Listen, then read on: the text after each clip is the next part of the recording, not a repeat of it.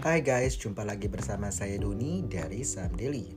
Di podcast episode ke-203 di tanggal 11 Maret 2023 ini, kita akan ngebahas mengenai IPO, Initial Public Offering. Kita disclaimer on dulu bahwa podcast ini bertujuan untuk edukasi, sharing pemikiran kita, bukan untuk ajakan membeli atau menjual saham tertentu. Jadi masing-masing trader atau investor itu harus paham betul akan yang namanya risiko karena baik trading maupun investasi itu pasti ada resikonya ya. Oke. Sebenarnya IPO ini merupakan penjualan saham untuk pertama kalinya kepada masyarakat umum di mana saham yang IPO itu akan listed di Bursa Efek Indonesia dan artinya apa? Artinya bahwa semua data keuangan yaitu bisa diakses oleh publik atau oleh, oleh masyarakat dan perusahaan yang listed di Bursa Efek Indonesia itu biasanya di bagian akhir nama perusahaan itu ada tulisan TBK. TBK itu artinya terbuka bahwa perusahaan tersebut akan sangat transparan sekali di mana mereka wajib untuk menyampaikan laporan keuangan kuartalan hingga laporan tahunan. Jadi biasanya perusahaan yang sudah listed di Bursa Efek Indonesia itu dia ada public expose gitu ya. Mungkin kalau harga sahamnya naik atau turunnya terlalu volatile biasanya dari pihak bursa akan menyampaikan pertanyaan ke emiten tersebut dan akan dijawab oleh emiten tersebut ya. Jadi memang uh, benar-benar uh, diawasi oleh Bursa Efek Indonesia begitu ya. Oke, kita bicara mengenai tahapan IPO. Uh, eh, IPO ini atau go public ya. Kita, kita kita kenal juga dengan istilah go public gitu ya. Nah, tahapan dari IPO itu satu ada namanya periode book building atau penawaran awal di mana biasanya saham yang akan uh, listed itu ada harga kisarannya. Jadi uh, biasanya misalkan gini uh, saham A ini akan akan IPO nah maka dia ada rentang harga bawah dan rentang harga atas. Jadi misalkan rentang harga penawaran saham A ini di periode book building ini Rp uh, 100 rupiah hingga 150 rupiah di periode book building begitu ya. Dan bias uh, di mana dalam tahapan book building ini kita bisa pesan ini saham tapi tanpa menyiapkan dana gitu ya. Jadi biasanya ini selama 7 hingga 21 hari kerja. Jadi ada ada periode-periodenya ya kalau periode building itu. Nah, kalau teman-teman misalkan tertarik sama saham A ini, biasanya kita akan pasang di harga strike price. Strike price itu artinya di harga maksimal, di harga paling atas. Tadi kan 100 sampai 150 contohnya. Nanti kita akan pasang di harga 150 terus kita mau beli berapa ribu lot atau berapa lot itu tuh di periode book building. Jadi harganya itu masih ada kisaran harganya antara misalkan RP 100 hingga RP 150. Yang RP 100 itu di harga bawah, sedangkan yang 150 itu di harga atas seperti itu. Boleh nggak saya uh, tawarnya di harga 120? Boleh gitu. Tapi yang penting dia antara rentang 100 sampai 150 begitu ya. Lalu ada yang tahapan kedua adalah periode namanya pooling, pooling atau offering atau penawaran umum.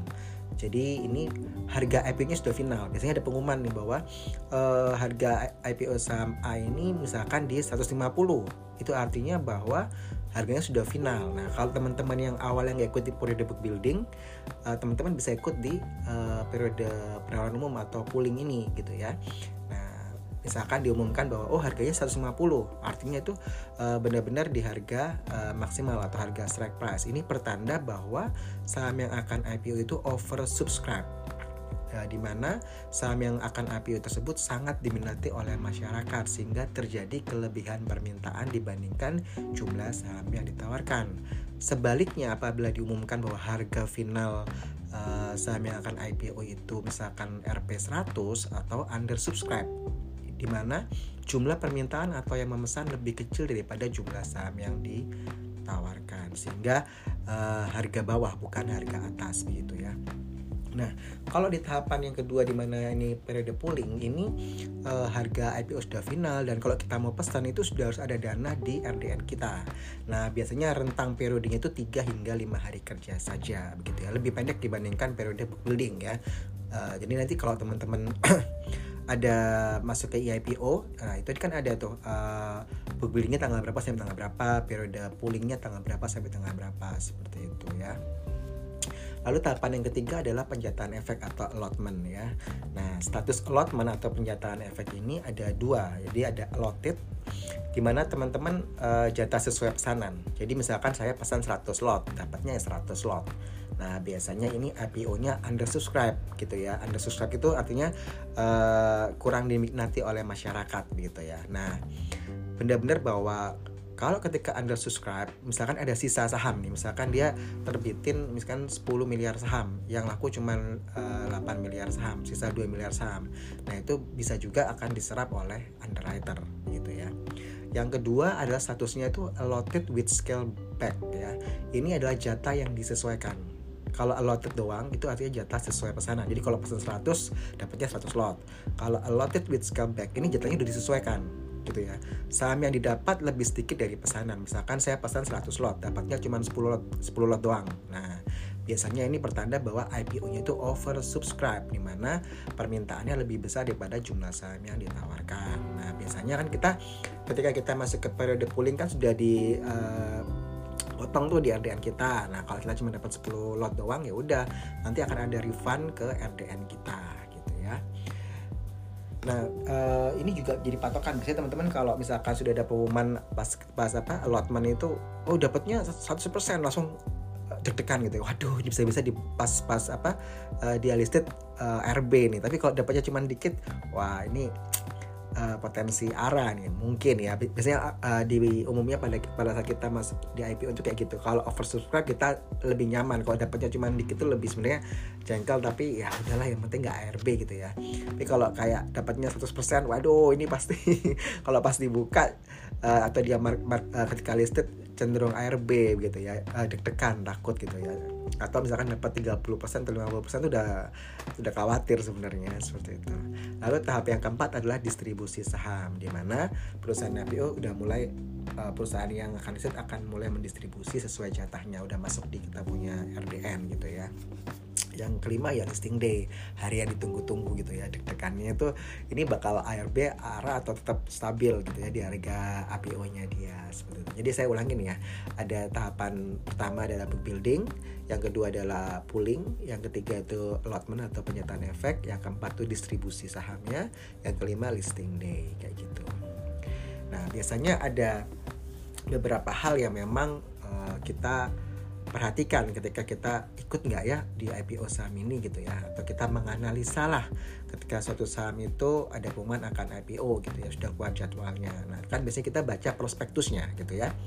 Nah prospektus ini merupakan dokumen yang dia menyediakan sumber informasi yang penting ya tentang perusahaan tersebut gitu ya di mana ada misalkan jumlah saham yang dikeluarkan dan harga saham baik dalam jumlah lembar saham maupun persentase kepemilikan serta harga penawaran sahamnya.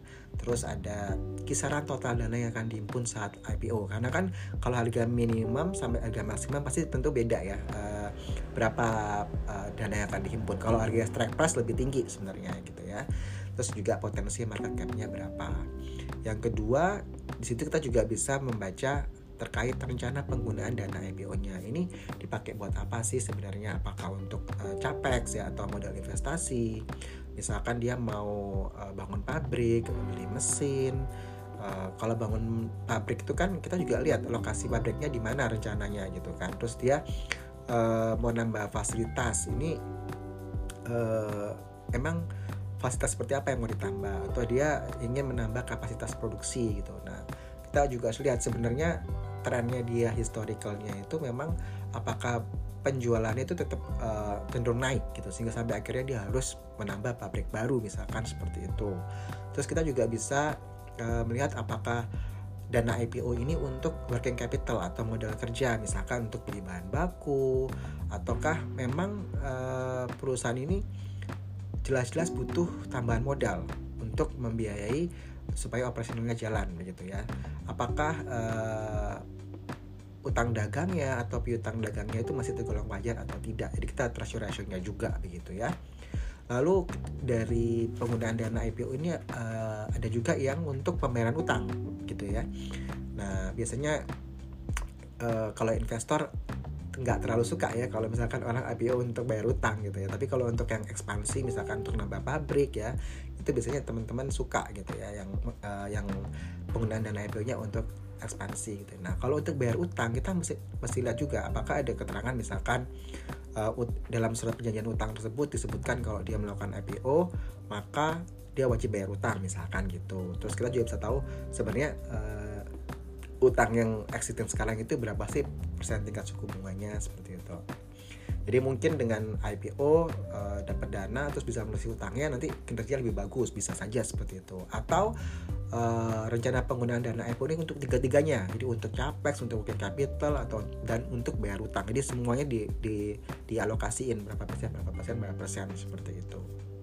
Lalu kita juga bisa baca ya di uh, prospektusnya itu apakah uh, dana IPO ini ada transaksi untuk digunakan untuk uh, transaksi afiliasi gitu kan. Misalkan mau akuisisi atau untuk nambah modal di anak usaha gitu-gitu ya. Itu kita biasanya untuk nambah modal anak usaha ya itu kita juga ya kita bilang bisa sebut transaksi afiliasi ya. Ini tergolong wajar atau tidak gitu. Jadi uh, macam-macam ya rencana penggunaan dana IPO tapi biasanya kalau investor dia mereka lebih suka kalau untuk uh, ekspansi ya seperti itu. Nah di prospektus itu juga selain tadi ada jumlah saham dan sebagainya rencana penggunaan dana IPO juga uh, tercantum kinerja keuangan atau kita bilang ikhtisar data keuangan. Nah, jadi sini kan kita bisa uh, analisa ya mau horizontal mau vertikal gitu ya tentang uh, kinerja dari keuangan uh, perusahaan tersebut. Lalu yang keempat juga ada uh, pembahasan oleh manajemen ya. Biasanya manajemen ini memberikan analisis terkait uh, kinerja perusahaan baik secara kuantitatif maupun kualitatif, terus strategi dan rencana ke depannya akan seperti apa gitu. Yang kelima di prospektus juga ada namanya resiko, di mana dijelaskan tentang kondisi, kondisi risiko yang dihadapi perusahaan, terus potensi yang ke depan akan seperti apa gitu juga kita bisa uh, gali di prospektus ya. Yang keenam itu ada yang namanya lockup period ya. Nah ini ada saham-saham yang memang uh, dan umumnya sih ada sih lock up period ya uh, mana ada yang 8 bulan ya uh, di lock up uh, misalkan 8 bulan pasca IPO gitu ya di mana uh, periode investor lama itu tidak diizinkan untuk menjual sahamnya dalam periode tertentu. Di mana investor lama ini kan dia punya saham perusahaan ini dengan harga di bawah harga penawaran IPO gitu kan. Uh, hal ini kenapa kok sampai ada namanya lock up period gitu ya? Dilakukan untuk mencegah agar IPO itu tidak digunakan sebagai exit strategi gitu ya. Nah biasanya kan kalau yang investor nggak suka ya beli saham IPO gitu karena uh, biasa pemikirannya itu umumnya ya ah, ini mah IPO untuk exit, exit strategi doang gitu kan ya. Jadi biasanya investor lama ini kan bisa berupa karya, uh, bisa karyawan, bisa manajemen, bisa venture capital, bisa apa ya investor pengendali gitu ya. Jadi karena investor lama ini uh, mereka memiliki harga saham itu di bawah harga saham IPO gitu dan Uh, makanya harus di lock up. Takutnya begitu IPO itu jual gitu kan. Mereka uh, benar-benar exit gitu ya. Nah dengan adanya lock up period ini tujuannya untuk mengurangi volatilitas dari uh, pergerakan harga saham ketika dia listing gitu kan ya. Uh, lock up period yang mungkin teman-teman ingat itu kayak buka lapak ya. Itu ada lock up period kan ya sahamnya gitu. Tujuannya supaya nggak uh, terlalu volatile ya ketika dia listing gitu ya. Nah sebenarnya uh, kenapa sih uh, lock up period ini bisa buat harap-harap cemas gini? Satu uh, bisa saja karena kan uh, misalkan 8 bulan ya itu uh, di lock up. Tapi ketika menjelang uh, lock up itu berakhir investor lama itu kekhawatiran kita dia akan menjual sahamnya. Dia dikhawatirkan begitu mendekati periode lock up periodnya berakhir, maka harga sahamnya akan terkoreksi karena orang-orang sebelum periode lock up period sudah pada jual gitu ya. Atau benar-benar investor lama emang benar-benar eksekusi dijual gitu ya ketika lock up periodnya eh, berakhir gitu ya. Nah, atau investor uh, atau trader yang baru-baru masuk itu uh, mereka uh, melakukan penjualan misalkan satu satu bulan atau dua minggu sebelum periode lokal berakhir. Jadi mereka daripada gue kena guyur, mendingan gue jualan duluan deh daripada, uh, sebelum periode lockupnya berakhir. Nah itu juga bisa ya dikhawatirkan seperti itu. Itu resiko dari lockup period ya.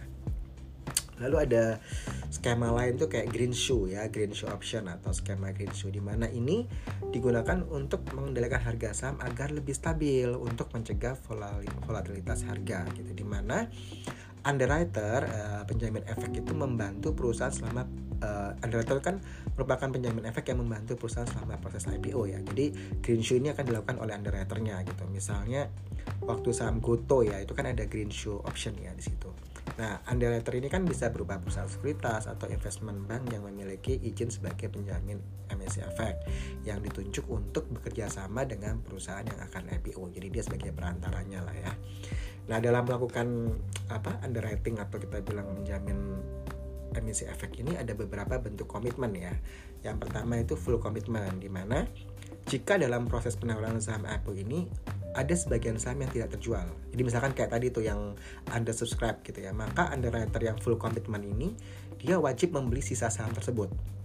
Nah, komitmen ini biasanya menjadi satu sinyal positif karena underwriter itu yakin bahwa permintaan saham yang akan IPO ini akan tinggi sehingga akan diserap oleh investor gitu, atau di oleh trader gitu ya. Jadi uh, yang full komitmen ini dia pede nih underwriternya bahwa saham gue bakalan laku nih, uh, yang di pasar ini bakalan laku gitu ya. Yang kedua adalah yang best efforts ya, di mana dalam proses penawaran IPO saham ini, underwriter itu tidak wajib untuk menyerap sisa saham yang tidak habis terjual. Jadi kalau uh, ada saham yang sisa nggak habis itu, uh, underwriter bisa mengembalikan uh, saham tersebut kepada emiten. Gitu. Jadi biasanya ini merupakan sinyal yang negatif ya, karena underwriternya itu ragu bahwa yakin nggak ya saham yang akan kita pasarkan ini diserap full oleh market gitu ya itu jadi istilahnya best effort ya biasanya sih kita uh, underwriter ini kita suka punya historical ya. Misalkan oh kalau sekuritas ini yang handle IPO nya saham ini biasanya sih uh, misalkan tujuh kali dia handle wah harga sahamnya cenderung naik semua ketika uh, dibuka gitu ya. Beberapa hari bisa arah-arah-arah gitu misalkan. Tapi kita juga bisa lihat bahwa oh ada loh kalau underwriternya ini sahamnya biasanya ARB langsung tuh. Atau kalau underwriternya ini awal-awal ARB tapi setelah lima hari enam hari eh arah arah arah arah gitu ada. Jadi memang kalau untuk IPO ini harga sahamnya susah ditebak ya. Jadi uh, bisa ARB bisa arah bisa stagnan gitu bisa. Atau ARB dulu, dulu ARB dulu baru arah atau arah arah arah terus bisa juga. Jadi ya kita bilang bahwa ketika mekanisme IPO ketika dia listed itu mencari keseimbangan harga ya. Karena nggak ada historicalnya saya teknikal gimana mau lihat historicalnya wong dia baru IPO gitu kan. Gitu. Jadi ada sebagian orang yang nggak suka ikut saham IPO tapi ada yang benar-benar uh, eh, IPO hunter gitu ya. Jadi ya itu masing-masing disesuaikan lah ya. Oke, okay, tadi kembali ke mana tadi tuh? Uh, green shoe option ya. Jadi yang green shoe ini kan dia uh, satu skema yang untuk mengendalikan harga saham agar lebih stabil. Jadi nggak volatile gitu kan ya. Gitu. Jadi uh, di mana skema ini menjual saham tambahan atau membeli saham yang beredar di, di market untuk menyeimbangkan permintaan dan penawaran agar saham agar harga saham stabil gitu ya sehingga tidak terjadi penurunan harga saham yang drastis. Misalkan kayak uh, apa? Goto ya. Seperti itu. Nah uh, di skema Green Shoe ini ada ketentuan misalkan jumlah maksimal pembelian dan penawaran serta maksimal jangka waktu pelaksanaan dari skema Green Shoe itu oleh underwriter ya. Jadi misalkan nih perusahaan A IPO dengan skema Green Shoe. Nah, itu uh, dengan penampungan ketentuan maksimal saham beredar 20% atau 20% dari total saham IPO dan maksimal pelaksanaannya maksimal 30 hari sejak emiten listed. Jadi ada jangka waktunya ya. Uh, jadi kalau misalkan total penjualan yang bisa ditopang alo, oleh skema Green Shoe ini maksimal 20% dalam periode 30 hari uh, apabila penjualan yang melebihi 20% maka ya udah udah kan dia udah habis tuh underwriternya udah sudah uh, ikut campur lah ya uh, supaya intervensi gitu ya. Nah jatahnya 20% udah selesai kalau lebih ya biasanya harga sahamnya akan turun jadi istilahnya bahwa sisa penjual saham tidak bisa diserap oleh underwriter maka ya memang mau nggak mau harga sahamnya akan turun gitu. Setelah uh, 20 nya itu udah habis gitu. Nggak bisa lagi kan uh, mau intervensi gimana kayak gitu. Nah jadi uh, teman-teman uh, mungkin contoh paling simpelnya tuh ya kayak buka sama goto ya. Kalau goto kan ada uh, green shoe kalau buka nggak ada gitu ya. Buka adanya cuma lokal terus apa lagi? Biasanya pertanyaan teman-teman tuh kalau salah IPO itu uh, kodon uh, ini kan banyak IPO nih kira-kira yang IPO bisa arah apa gitu ya? Jadi aduh susah nih. Uh, kita tuh uh, kalau ngomong dibilang pom pom kalau nggak ngomong dikejar gitu kan ya. Tapi ya semoga apa podcast ini bisa kasih gambaran buat teman-teman ya. Kita uh, yang penting teman-teman baca aja gitu ya itu penting. Nah kalau di trader memang sebagai trader itu memang ada yang spesialis spesialis IPO hunter. Benar-benar mereka tuh suka uh, cari saham-saham yang IPO karena kan tinggi gitu ya. Jadi biasanya mereka cenderung lihat uh, ini ownernya siapa nih perusahaan ini gitu kan. Terus dia sektornya apa lagi ngehits nggak ini gitu. Dan market capnya besar nggak? Kalau kecil mereka lebih suka ya gitu. Terus misalkan raya raya dana IPO nya jumbo nggak? Kalau jumbo mereka nggak suka biasanya karena kan susah berat kalau untuk uh, arah gitu ya. Terus ada warannya enggak gitu.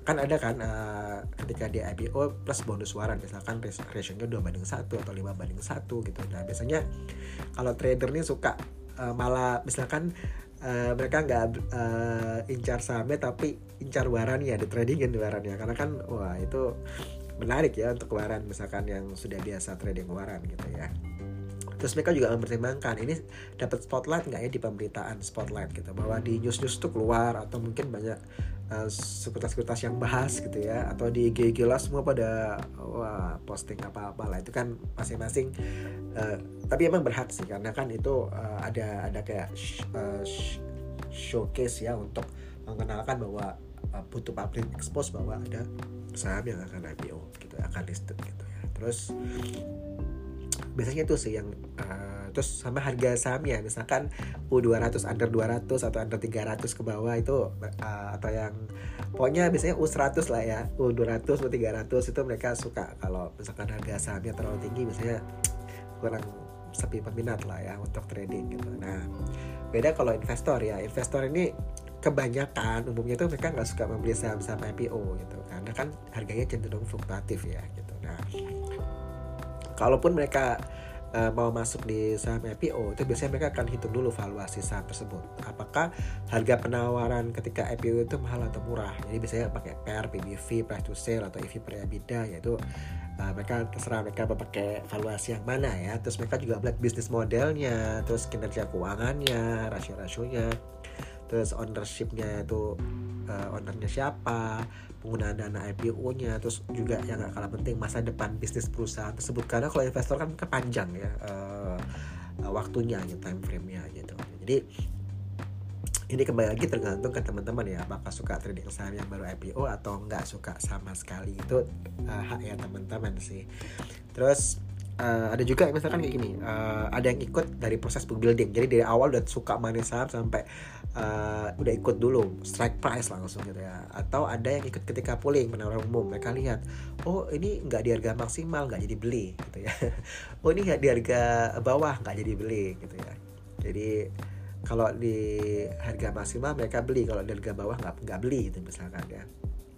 Terus ada yang ikut ketika uh, listing. Jadi hari pertama dia listing dia lihat kalau nggak RB wah ini kayaknya volumenya gede nih gua masuk deh gitu ya. Jadi kalau pas dapet dibuka dia masuk gitu ya. Paling yang nyesel kalau pas dibuka langsung arah nggak bisa beli gitu ya.